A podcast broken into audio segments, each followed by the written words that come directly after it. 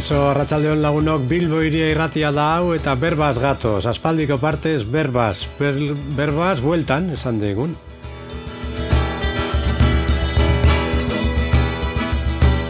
Lagun bat, mundu bat.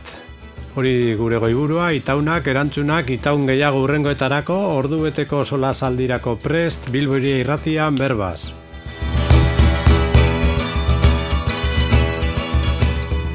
Gaurko sola saldia, gero sarean be entzungai eta deskargatzeko moduan bilboiria.eusen hortxe e, begiratu eskero edo arrosasarea.eusen baitere. Berbaz.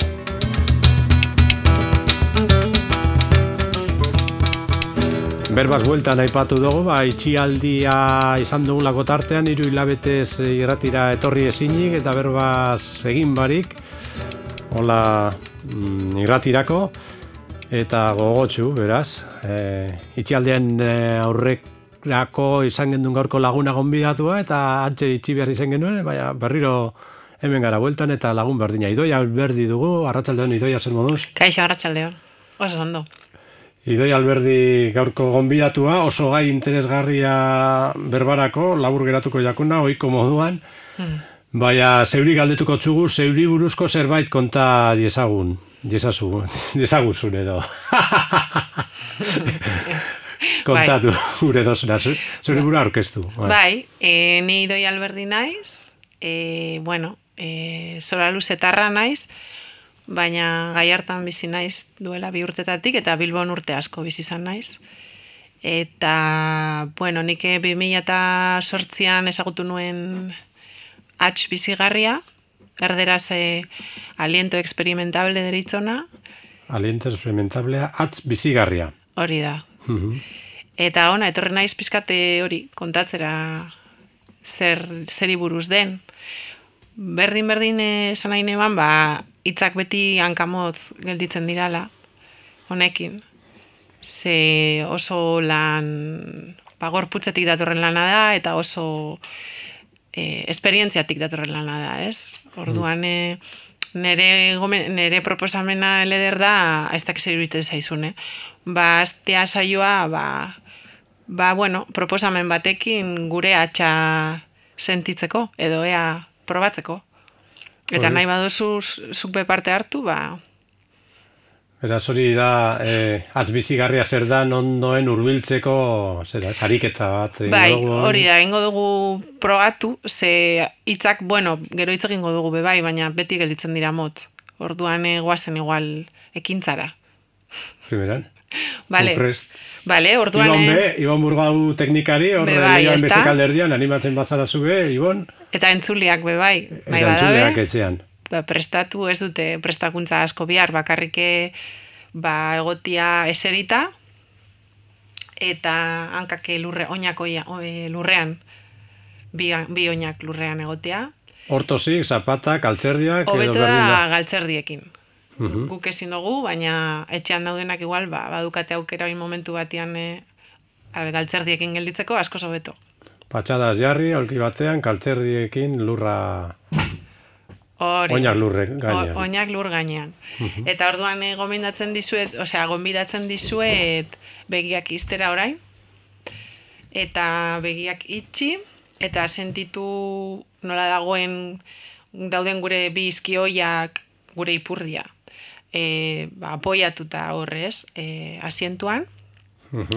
Eta hasiko gara gorputz osoa e, lusatzen extensioak, e, erderaz extensiones esaten dugu, extenderse, uh lusatzen, orduan e, gorputz osoa burutik e, oinetara, besoak, eskuak, dena da posible e, lusatzea. Hankak ere bai luze, luze, eh? Bai, orduan e, ez dut nik neuk e, gorputzari entzun, galdetu eta bere desioaren arabera, ba, ni orain lusatu egingo naiz zutik eren nahi duenak probatu dezake, zuti jartzen, eskuak, besoak, burua, eta lusapen bakoitzarekin sentituko dut airea datorrela, atxa datorrela. Era guztiz naturalean, ezerrein barik, luzapen bakoitzak deitzen du atxara, eta gero soltatu egiten du luzapen hori. Beraz, badago estensioa, badago erlajatzea, eta pausa. Eta berriro beste estensio bat, eta relajatzea, eta horrelaxe beste ziklo bat. Arrausiak ere sortzen dira, eta oso seinale ona da. Zan nahi du ja atxa hasi dela gure gorputzera etortzen. Hori da, ele, oso ondo. Oso ondo. Pixka bat gehiago, egin dezaketau, probatu dezaketau, nire nik nahi dudan moduan. Olako erosotasun bat, ez? Agian etorriko zait. Eta nire momentua denean eskuak jartzen ditut hanken gainean, bi eskuak, begiak itxita jarraitzen dut. Eta jarraitu dezaketor nire atxa sentitzen, airea badator, airea badoa, eta pausa. Atxa badator, atxa badoa, eta pausa.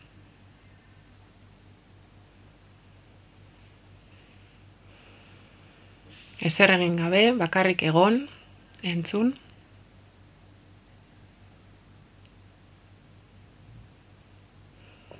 Nire atxaren mugimendua, hor agertzen da. Eta nik nahi dudanean, ireki ditzaket poliki-poliki e, begiak. Eta bukatu. Ze moduz? Ondo? Ondo? Bai. Bueno, ba, horrela hasten da beti klase bat modu honetara.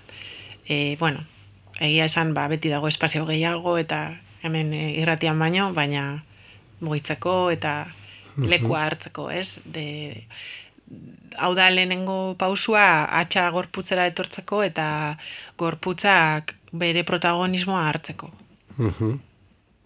Klaseak aipatzen dozuz. Bai. Hatz bizigarriari buruzari gara eta e, klaseak eman ematen dituzue, taldeka duzue. Bai, daude bi modu atxa ezagutzeko, egia esan. E, taldeka eta bakarka. E, nik orantxe bertan batez be bakarkako lanean ari naiz, e, bueno, nire kontsultan, hor zabalburu plaza ondoan, eta horre egiten dut lan kamila batekin, e, pertsona etzanten da kamilan, eta nik ba, laguntzen diot pixka bat be, berak bere atxa atzematen sentitzen eta lagun, lagundu egiten diot hor prozesu horretan bere atxa ezagutzen.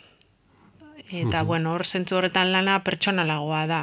Taldean, ba, taldeko lana izango zen orain erakutsi dudan e, lehenengo proposamen hau, eta gero ja, ba, beste proposamen batzuk.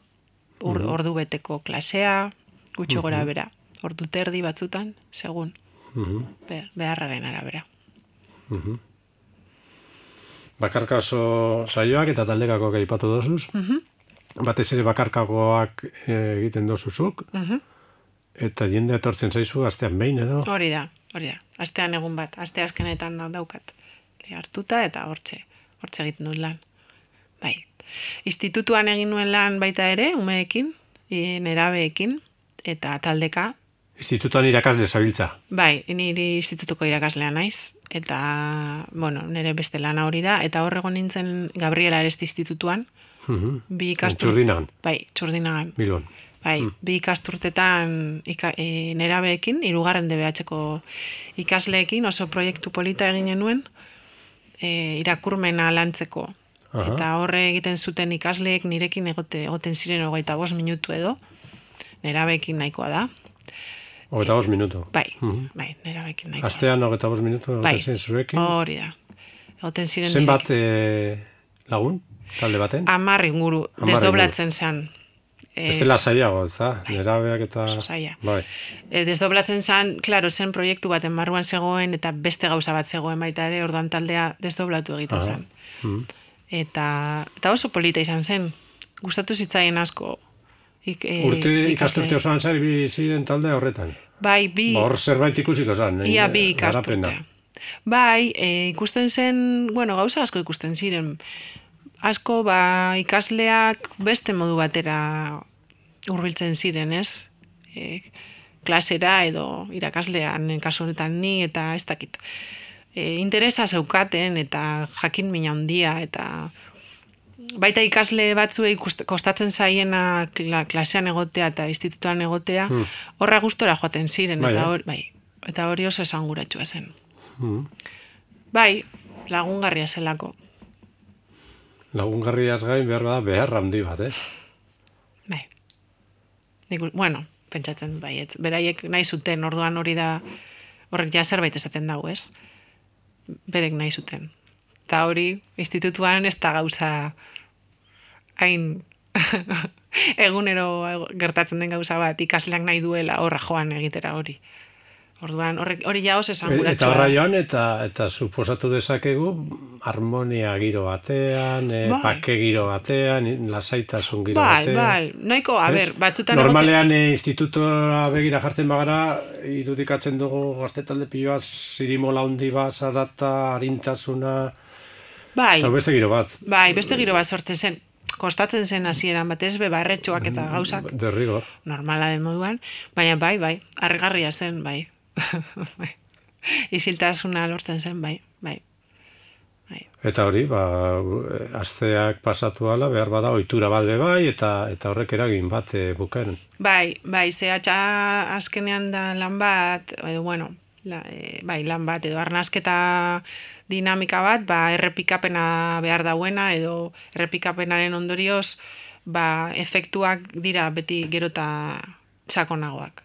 Orduan, ba, bai, behin eta berriro ba, atxalanduz, ba, gero eta e, efektu gehiago daukan ere gan, zenik gero eta gehiago sentitzen dut. Hmm. Azken finean ari gara e, percepzio edo bai, nabaritzea esnatzen, lantzen eta ezitzen.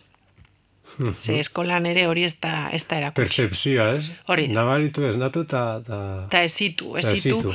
Ba, bai, ezitu, ze, zentzutan, ba, ba, bueno, ba, oitura bat hartzen, e, denbora bat horrien dedikatzen, e, aintzat hartzen, hmm. sentitzen dudana, ez? Eta, ostras, ba, hori ere, oraindik iruditzen zait hor lan asko daukagula egiteko gizarte honetan. Hmm. Horrek, eh, talde horrek eh, zen man zuen ikasturte bi orduan, horrela? Bai, bi taldeak talde ziren ez, nengoen... Ikasturte bako txan talde batek. E, joaten nintzen e, e, rotatzen. Mm -hmm. Ziren iru talde uste dut. Orduan, e, pena ezin izatea guztiekin ez, urte osoan, baina ba, bueno, badakigu diru kontuak daudela hor. Eta, bueno, ba, joaten ginen aldatzen. Iru, e, trimestreka, egin genuen. Orduan, amarreko talde bakoitzak hiru hilabeteko bat zeukan zurekin. Hori da. Eta horretan hiru hilabetetan e, e, bukaeran eta zerbait deigarririk edo ipagarririk edo jo, ba, bai, egin ziren ikusita eurek esan dako inkestak egin ziren bai. eta oso gauza politak jarri zituzten ikasle batzuk, benetan asko gustatu zitzaiela eta e, beharrezkoa iruditzen zaiela hau ikasgai bat izatea. Olakoak. Olakoak, bai, e, behar dutela hori. Hmm. Eskolan, mesedes. Guztiek ez, baina bai, batzuk. Hmm. Batzuk bai. Hmm. Bai. Uke beharko genuelkela horrelako tarte bat, ez? Hmm. Hmm. Eta e, gerora hori eten egin zan, eta izan dozu barren e, zerik edo beste munduko tokiren batean e, bai, e, jarraitasunez e, ikastetxetan eta landutakoen ondorio edo? Bai, bueno, ikastetxetan tamales ez, irakasleekin ere egin genuen Gabriel Arestin ba, bizai otxo. Beraiek hmm. ezagutzeko be bai, ez? Hmm. Lan azkenean, ba, pizka hmm. bat ezagutzeko, ze gero eurek ikasleekin egon behar ziren hor, eta jo, ez joateko horrela, eta irakasleak oso, bebai oso posik Baina horrela ofizialki oraindik ba e, ez, nik oraintxe bertan e, abez batza baten abesten dut. Hmm. Eta horreiten dut lehenen gordu erdian nik eraman, ba arnasketa guztia eta gorputza eta hori dena. Eta hor, ba, bai, oso, oso posik, be bai, ze abesteko be bai oso garrantzitsua da. Hmm. Da, bueno, horrela izan da pizka bat orain arteko ibilbidea. Hmm. Bai, Hori taldeka egindako kontuak, eta normalean esatu zu gehien bat gaur egun egiten duzuna, banako Bai. lan. bai, gaur egun bai. gehien. Eta euren nahi eta, eta, ordainduta, eta, eta euren eh, borondatea jarrita hor, hor prozesu luzeagoak irudikatu alditugu, bai, igual urte osoko edo hilabete batzuetako Bai, bueno, norberak nahi dauena, be bai, norbera ez. nahi duena, bai. Ez dagoelako, hombre, egia da, ba, gero eta gehiago egon, ba, gero eta hobeto dela, osea, gero eta efektu gehiago, eta baina ez dago exigentziarik. Hmm. Ez, norberak alda benean, eta Pentsatu ezakegu gainera norberak eh, saio batzuk egin eskero bere kauz jarraitzeko moduak ere eskaintzen zizkiola. Bai, bai, beti daude proposamen txiki batzuk, ba, nik beti klase, osea, tratamenduetan ikusten dut nor, nun daukan beharra pertsona horrek, eta orduan ematen dizkiot pixkat e, proposamen batzuk pixkat alakarta bezala, ez? Ba, zuri hau oso ondo datorkizu. Orduan, ba, bat edo bi proposamen, hiru asko jota, nahikoak dira. Eta hoiek e, ondo barneratu eta eukera, ez? Eta etxean e, batzutan dira bakarrik. Bos minutu orain egin duguna bezala, ez? Mhm. Ba, bos minutu dira, eta ba, ba jo, eukidez ditzakete oso onura haundiak, ez? Halako Interesgarri holakoetan be bai izaten da, norbera gai izatea epe luzean mantentzeko, ez? Bai, egia Horrek bai. ekartzen du bai. usta. Bai, pizkat konpromesu bat be bai, ez? Ha, Norberarekin eta bere ongizatearekin. ha. Bai. Zenbat urte, zabiltza eskaintzen, hau? Zezuk, esan dozu ezagutu, 2008an ezagutu zenula, Bai, eta, eta gero trebatu egin zara, gero kontatu alduzu horren berri bebain, eba duzu. Baina, zenbat denbora jendeari hau eskaintzen, eta? ba, 2000 eta e, urtean bukatu genuen trebakuntza hau, eta institutuan jarri nintzen ja lanean, amaseian, hasieran. Eta ber, ordu, ordutik. Osea, que ja lau urte, Da, da, bak- iru, ez dakiz bat. Banakoekin, Ba, banakakoekin bi urte, bi urte. bi urte, bai. Zelako jende etorri datzu? Danetik. Konta pixka bat, hori... Ez dago... Ba, danerako da beharrezkoa, atzat, guztiok egiten dugu, guztiontzat onuragarri, Bai. guztiok beharrezkoa hor daukagu Bai, korapillo askatzea. danok, osea, edade guztiak, e, amazazpi urtetatik irurogeta ma piku. Osea, horre, tarte horretan, Eta zergaitik etorri zaizkizun, jo, ba, ba, bueno, edo zertarako. Zertarako, ba, pentsatzen dut, hobeto sentitzeko, ez? Hmm. Bai, hobeto sentitzeko, eta azkenean norberak bere gorputzarekin eta bere buruarekin, ba, kontatzea eta konfiantza izatea, eta indar gehiago izatea, eta bizitzako zailtasunak eta ezusteak, ba, beste erabatera eramateko laguntza, ebe bai, eukitzeko. Ze bizitzak beti ez da, bizitza ez da beti arrosa kolorekoa, badakigu. Orduan, ba, laguntza handia izan daiteke. Mm. Barrua indartu, konfiantza, oreka. Hori da, hori da, bai, bai. Hori horrela esan da orokorren esan da, bai, behar bada be bai agertu zaizkizu interes arnasketa bereziki beharrezko duten e, personak, edo lanbida gaitik, edo saletasuna gaitik, edo e, Ba, ez lanbidea gaitik oraingoz, ez, bai, estresa hori, bai, laneko estresagati bai, noski. Aha. Bai, hori, bet, bai, Orduan normal etorri zaizun gehien esan da, arazo egoera baten aurrean Bai. behar da lagungarri izango delakoan, ez? hori da, bai, bai, hori izan da, bai, orain arte orain hori izan da batez ere, bai, e, bai, Ze pentsa dezakegu e, jendaurrean sarri mintzatu behar danak, bai, ez? Edo kantara, kantari batek. kantari bat, aktore edo bat, aktore batek. Holakoek lanbidez bereziki dute hau lantzekoa eta eta estimatzen dutenak. Dira, irakasleak, irakasleek. Horrek bereziki estimatuko dute hau eta baloratu dezakete eta zurazki ba, Bai, baina baita be bai eukidot e, zaintzaile bat, osea, pertsona nagusiekin e, zaintzen daben pertsona bat, ikasle ba, ikasle bi, dan entzako da. Bai. Bai, danak e, hartu dabe, ikasi dabe, eta barneratu dabe zerbait garrantzitsua, eta barneratzen ari dira. Orduan zentzu horretan ez dago inolako. Hmm. Oso, atxa oso, la, oso gauza inklusiboa da, ez, oso pertsona... Guztiok egurero... Guztiontzako da. Eten gabe egiten dugu zerbait. Bai, eta, eta ez du inor aparta guzten. Eta hori ikasleek ere institutuan igartzen zuten. Ze erakusteko modua oso oso konstruktiboa da, ez, ez da inoiz esaten gauza bat gaizki egiten dela, edo gauza bat ondo egiten dela, ez dago modelu bat jarraitzeko, hau da ondo arnastea ez. Hmm. Atxean proposamenak daude, norberak bere gain hartzen ditu, bere ganatzen ditu bere ahalmenen arabera, eta ez dago inolako arazorik.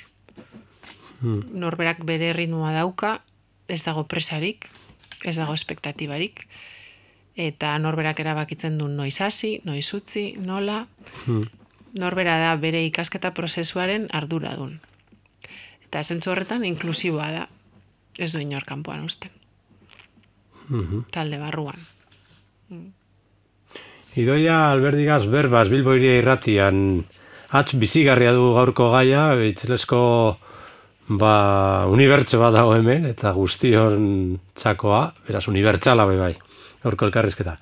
Entzun dezagun kanta bat, honek aukeratuko digu, eta laster berbaz bilboiria irratian segi.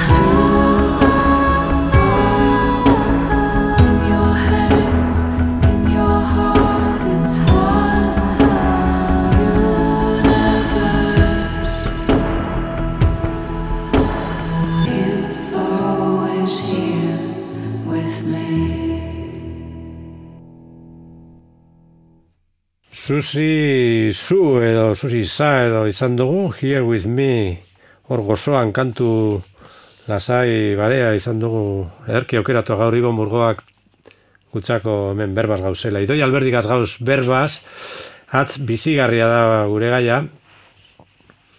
Atza arnasa ba, egunero etengabe egiten ari garen zerbait. Sarri ba eseroso sentitzen gara arnasten eta eta horrek e, zelan ez bizitzako atal guztiekin lotura dauka eta hori zuzentzeak edo hobetzeak ba seguru bestelako hobekuntza orokorra ere ekartzen dugu horrela esaten da. Bai, bai hori da e, bizitzako beste atal guztietan e, reflejatzen da hori ez, e, nire arnazketa edo nire arnaza zelan dagoen. Eta alderantziz, nire, aldat, nire ar, arnazak erakusten du ne, ni zelan nagoen eta zer dan nire goera momentu horretan. Eta horregatik esaten du nire irakasleak e, atxa dela sismografo onena. Hmm. Nire sismografo onena. Hmm. Ze beti erakutsiko dit ni zelan nagoen. Hmm. naiz eta ni batzutan hori ez ikusi nahi. Hmm. Orduan, zentzu horretan, ba, ba oso baliogarria da. Hmm. Bai, e, arnaza, komentatu dozu moduan, e, dago arnaza inkontzientea, ez? Eguneroko arnaza, hmm. guk ez duguna inolaz ere mm, kontrolatzen entre komillas, hmm. ze, ba, bizitzeko arnaza da. Hmm. E, Orduan e, hori me mekanikoki gertatzen den gauza bat da eta inoiz ez da gelditzen. E, eta gero dago baita ere, e, bai. Porkatu, mekanikoki egiten dugun zerbait da, baina bai kontzientzia egin dezakeguna edo behintzat kontzienteago edo... Hori da, hori da, eta hori da atxa hain zuzen ere, ez? E, mekaniko horretatik edo inkontziente horretatik kontzientziarako bide hori, ez? hor dago atxa. Eta hor, e, ba, hor oso garrantzitsua da e, norberak bere atxa sentitzea eta bere gorputza sentitzea, eta hor poliki-poliki hori trebatzen jun eta gero eta kontzientzia gehiago hartu nire arnaza zelan dagoen eta nire atxa zelan dagoen, ez? Eta atxa bakoitzak dauka berea. Hmm. Pertsona bakoitzak. Hori da, bakoitzak dauka berea hmm. ADN-a bezala.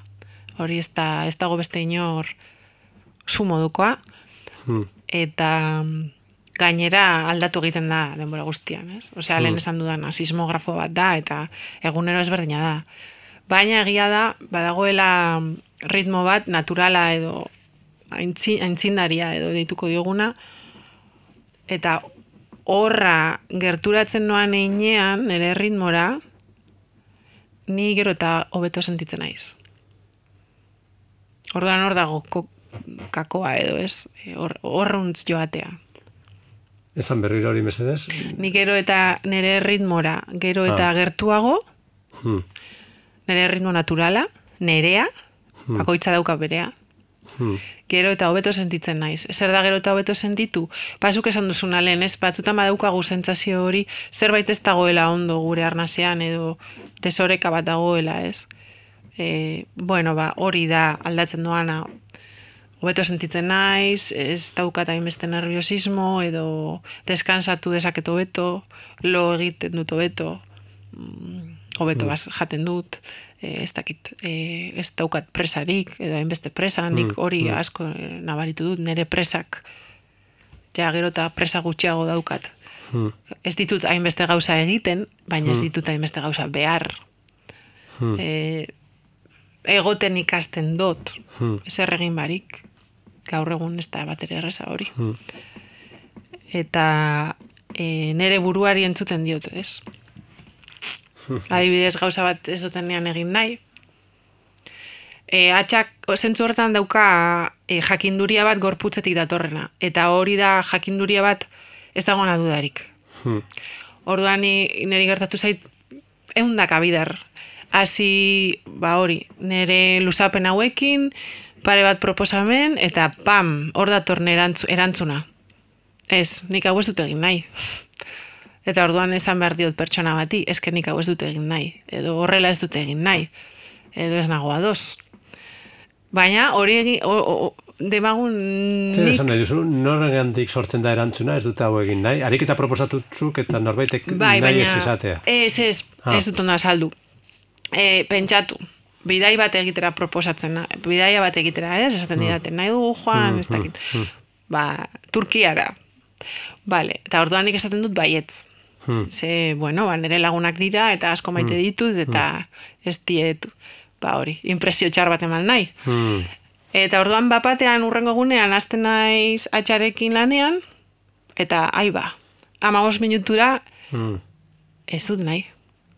Eta orduan konturatzen naiz. Ba, eske ez dut nahi. Eta orduan, bueno, ba, atxak ematen dite konfidantza hori eta indar hori jakiteko zer na, nahi dudan, nun nagoen, eta esateko baita ere, ze batzutan esatea ere, ez da erreza izaten. Ze gero igual el, azarretuko da beste pertsona, esaten badiote zu dela joan nahi. Edo ez dakit zer. Orduan zuek azbizigarria lantzen duzuenean, inkontzientea dan horretatik abiatu, hor arreta jarri, horri begiratu, hori sentitu, ariketen bitartez, gero eta kontzienteago izan arte bi, ba, bideratu, eta norbere ritmora itzultzen, eh, norbere ritmoarekin batera, horrekara, itzultzen izaetera, norbera zer dan argi horretara itzultzeko bidean laguntzen duzue. Hori da, oso Eta norbera bere tokian dagoenean, orduan argitasun hori daukazu. Une bakoitzen jakiteko non nahi duzune egon, eta hori argi azaltzen, ez? Hori da. Oso ondo, oso ondo labortu dozu, bai. Mm. Eta hori da, demagun, ba, ni neure buru ezagutzea. Eta, bueno, ba, hori batzutan ez da erreza. Ze, bale, ba, ba, bueno, ba, bai, gu gara, ba, pentsatzen dugu garala ez daki zein, eta ez daki nor, eta egiten dugu tau, eta egiten dut bestea, eta, eta ba, ez dakit. Baditugu gure ideiak eta gure... Eta, ba, bueno, ba, gero norberak bere burua entzuten da benian, ahi ba, batzutan e, ez ustekuak datoz, ez? Hmm. Politxak eta beste batzutan, ba, pixkate garratzagua be bai. Eta hor bide horretan, ba, ba atxak ematen dugu indarra. Eta atrebetzeko indarra, ez? E, ausartzeko indarra. Ze ausart, ausartu behar zara. Ausartu behar zara baietz esaten. Nire irakasleak ez daben bezala, ez? Ausartu baietz esaten benetan zarenari. Bai. Hori da. Eta horretarako, ba, ausardia bia da. Ez da, karo. O, gero be, bizimodua asko erresten du horrek, horre norbere tokian egotea eta horre eroso sentitzea eta bitu zenbat eh, zalantza edo erabaki errestuko dizkizun, ez da? Bai. Eta burua uste. Urba uste eta ez dutasun eta... Bai. Bai, ze buruak azkenian ba, hori dauka, ez? Ba, ideiak batzuk oso onak, beste batzuk bueno, eta beste batzuk ez da bezetako balio, ez? Osea, gure ideiak, gure buruan pasatzen diran pentsamendu, milaka pentsamendu horiek egunean, ez? Eta batzutan buruakin ezoa sinora. Ez dakizu eri gertatu zaizuen, baina niri bai, azten naiz bueltak ematen gauza bati, eta inoiz ez dator konponbiderik. Da ideak oso kutsakorra dira, azkenean gure buruan dauden ideia asko asko ez dira gure, gure, gurea, baizik eh, beste inonak, ez? Hori da. Eta egon laik, egon ezu gauza bati bueltak ematen boste egun, eta hor diokan ez, erabaki, ez? Orduan, ba hor asko laguntzen da, horre baiet esaten. Nik benetan zer nahi dut, edo zer ez dut nahi, edo ba hori. Aha. Bai, bat bezala. Sismografo aipatu gulen bruf, brujula, Bai, ipar horratza. bai, ipar horratza. Aizu, e, idoia, euskeraz azken atza, esaten dugu, azken atza eman du, Bai. norbait hiltzen danean, eta jaio bezain laster, lehenengo eta behin, atza hartuta eman egiten dugu, ez? Interesgarria. Ez da, bai. Mm. Bai, Bizitza osoan daukagu gurekin, mm, jaiotza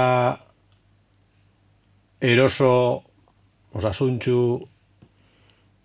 batean, ba, hori berez berez datorkigun, lehen gainera ipatu zu, e, atza sartzen zaigu, ateratzen da, ez da guk egiten dugun zerbait, berez gertatzen den zerbait da, mm gure bizitza mekanismoan, eta aipatu zu bai, pausa, hori mm ez dakit benetan gaur egun asko egiten dugun, atzaren pausa hori, hori yeah. kontzientzia. Bai.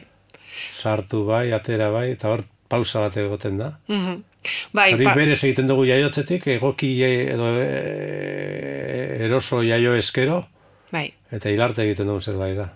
Bai, pausarekin, ba, bueno, ba daude arazutxoak aur egun, e, desekilibrio handiak, e, ba hori, pausa gutxi edo ezer. Eguneroko arnazketan. Bai. Eta orokorrean bizitzan, bai, claro. Bai, claro, eske reflejo bat da, ez. Mm. Osea, eskenean da arnaza gure bizitzaren reflejua. Eta pausarik ez aukitza, ba, berak esaten dau zer dan. Deskantzu ba, bariko bizitza bat eta gizarte bat. Ez da ona deskansatzeko eskubiderik. Ia, ia. Hmm. Gero eta lo egiteko arazo gehiago, hmm. nik ikusten dut ikasle eta oso gazteak eta lo egiteko arazoekin. Ia, ia oso keskagarria da, hmm. benetan. Edo patxadaz bazkaltzeko denborarik ez, hmm. edo azkenean gure osasunarekin, gure osasuna da, hau, ondo jatea, lasai jatea, lo egitea eta deskansatzea. Siesta, oso ona. Halako oiturak e, ba, lasa egon eta deskantsatu. Eta ematen du deskansatzea alferren gauza bat dela, edo, edo denbora galtzea. Hmm. Hori da beste bat. Hmm.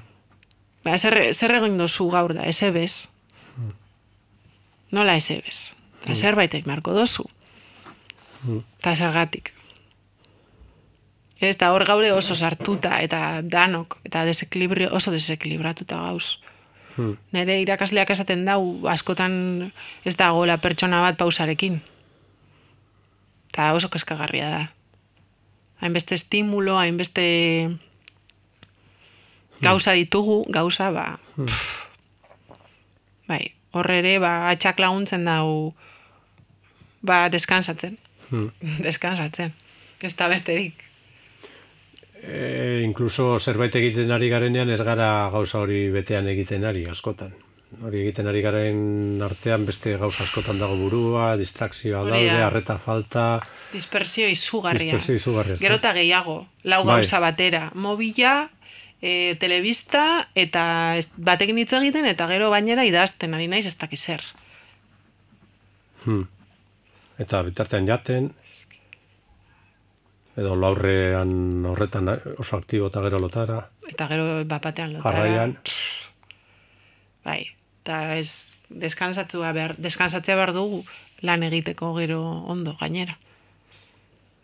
Bai, izan daiteke persona aktiboa gauza asko egiten dituna, bai, bere pausak gauza bako egiten dau ondo zentratuta, tarte batean, pausak egiten ditu, jarraitzen du beste gauza egiten, oso zentratuta, eraginkor, gustora. Hori da. Bai, pausak eh, konturatzen da pausak elikatzen dutela egintza. Hori da. Bai, naturan bezala, ez? Hmm. Naturan hori ikusten da negua, udaberria, ba, berdina hmm. da. Hmm.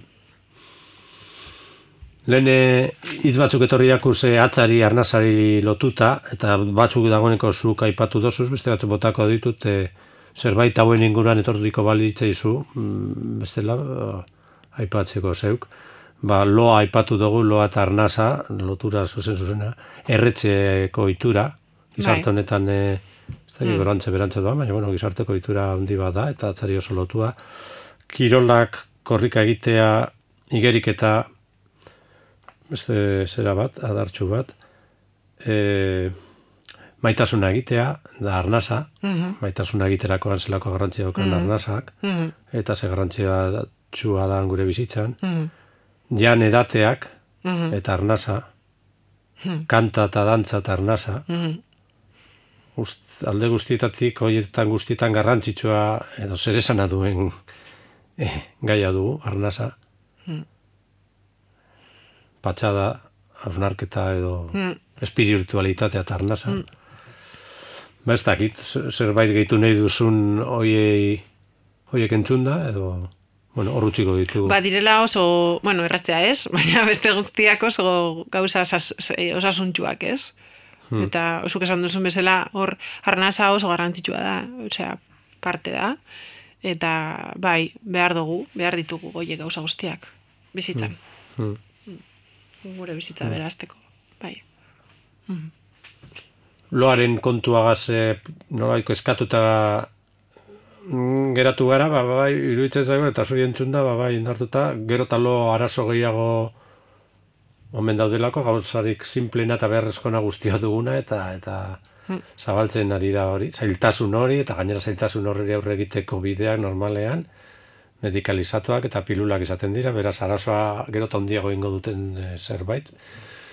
Bai. Eta bueno, izan zitekeen e,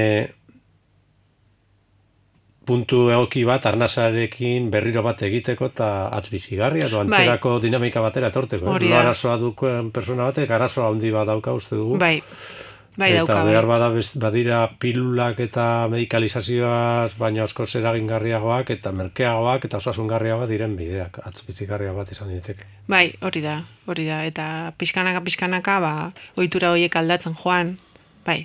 Hmm. Bai, nik izan dut jendea bebailo arazoekin. Bai mm. desente. Bai, eta bai, azkenean eske oso gauza basikoa da. Eta hor ikusten da, ez? Be bai, norbera daukanean arazo hori, nik neu behiz izan dut. Mm. E, eske ez nago ondo. Osea, mm. zerbait ez dago ondo. Eta mm. zerbait oso oso garrantzitsua. Mm. Orduan. Komentatu nahi nizu baita ere, e, pixka bat aldatuz gaia, baina garrantzitsua da, nondik datorren atx bizigarria, e, bai. Hori dugu e, galdera garrantzitsua zure hildoa eta zure itzindarian nostu diren apurbeta aipatzea gutxinez eta e, baita perbada interneten honi buruz zerbait bilatu nahi lukenak non begiratu. Lehenago entzun daigun kantutxo bat eta hori agurren aurretik. Berbaz, Bilboiria irratian, gurekin idoi alberdi, Ibon Burgoa teknikari eta oso guztera gu barriro hemen e, itxialdiaren ondorego lehenengo zaioan, berbaz. Don inorrez Deitzen didaten Nan izasi artian Iratzarritako Zurde bat naiz. Arnasan ezaken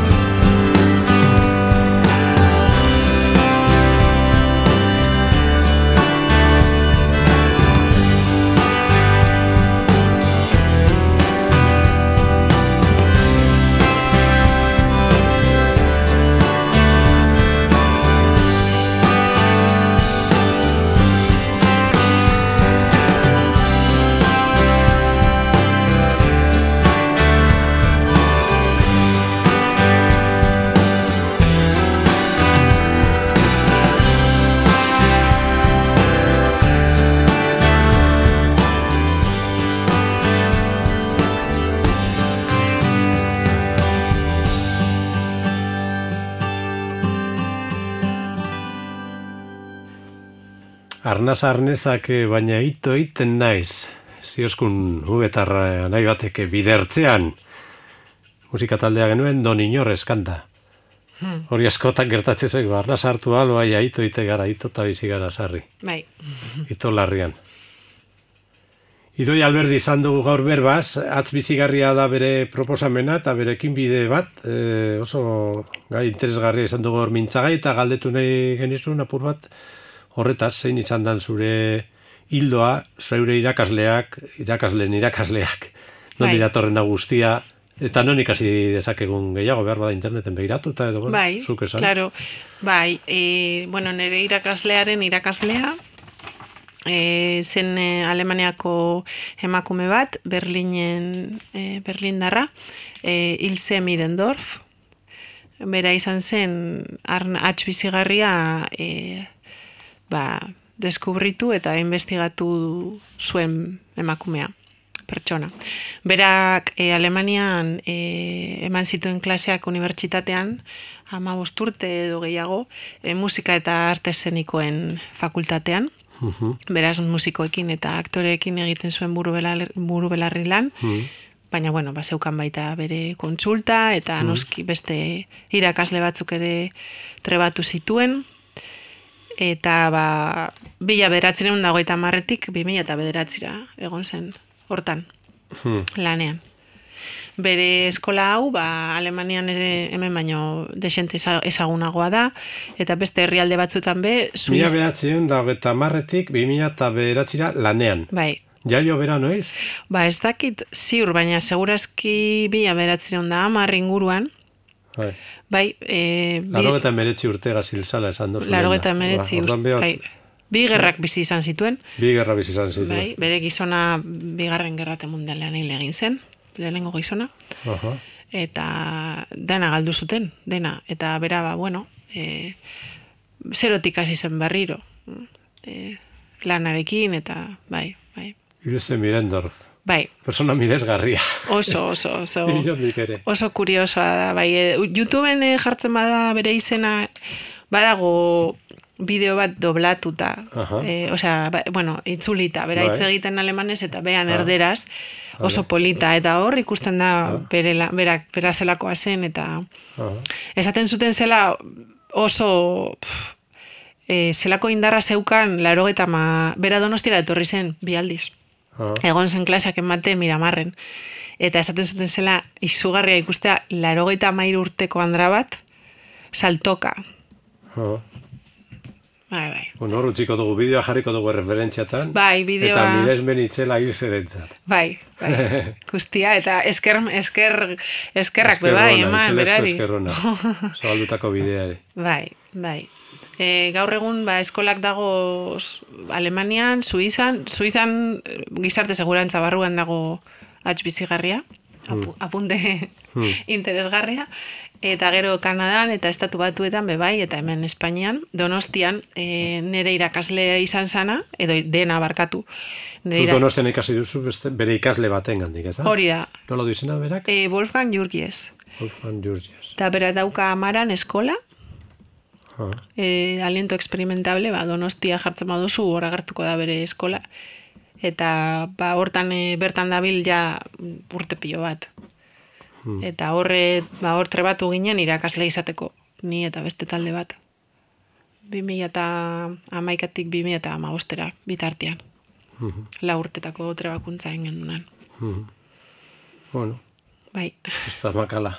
Ez, ez, ez. Eta gainera berak, e, Wolfgangek e, bera, ba, hilzerekin e, egin zuen lan buru belarri bere bizitzaren azkenen urteetan, emakume honen azkenen urteetan, berak pilo bat zekienean, ez?